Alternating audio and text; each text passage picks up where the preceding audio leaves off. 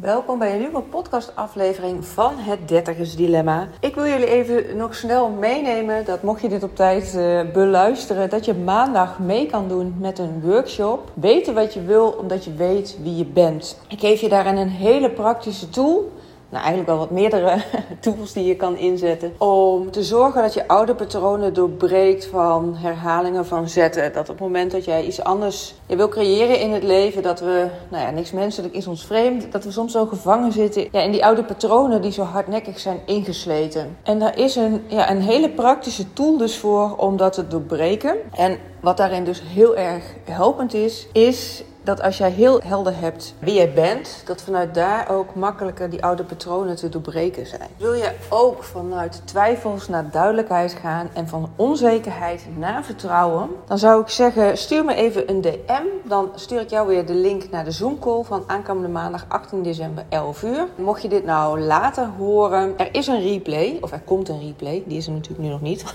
want die moet ik nu opnemen. Maar laat het dan ook even weten, want dan kan ik je de replay toesturen. Ontzettend leuk om je maandag er live bij te hebben. Want dan heb je ook meteen de gelegenheid om de vragen te stellen die je hebt. Dan kunnen we daar meteen uh, bij stilstaan. Nou, ik kijk er naar uit je maandag te zien. Ik wens je een hele mooie dag en een heel mooi leven toe.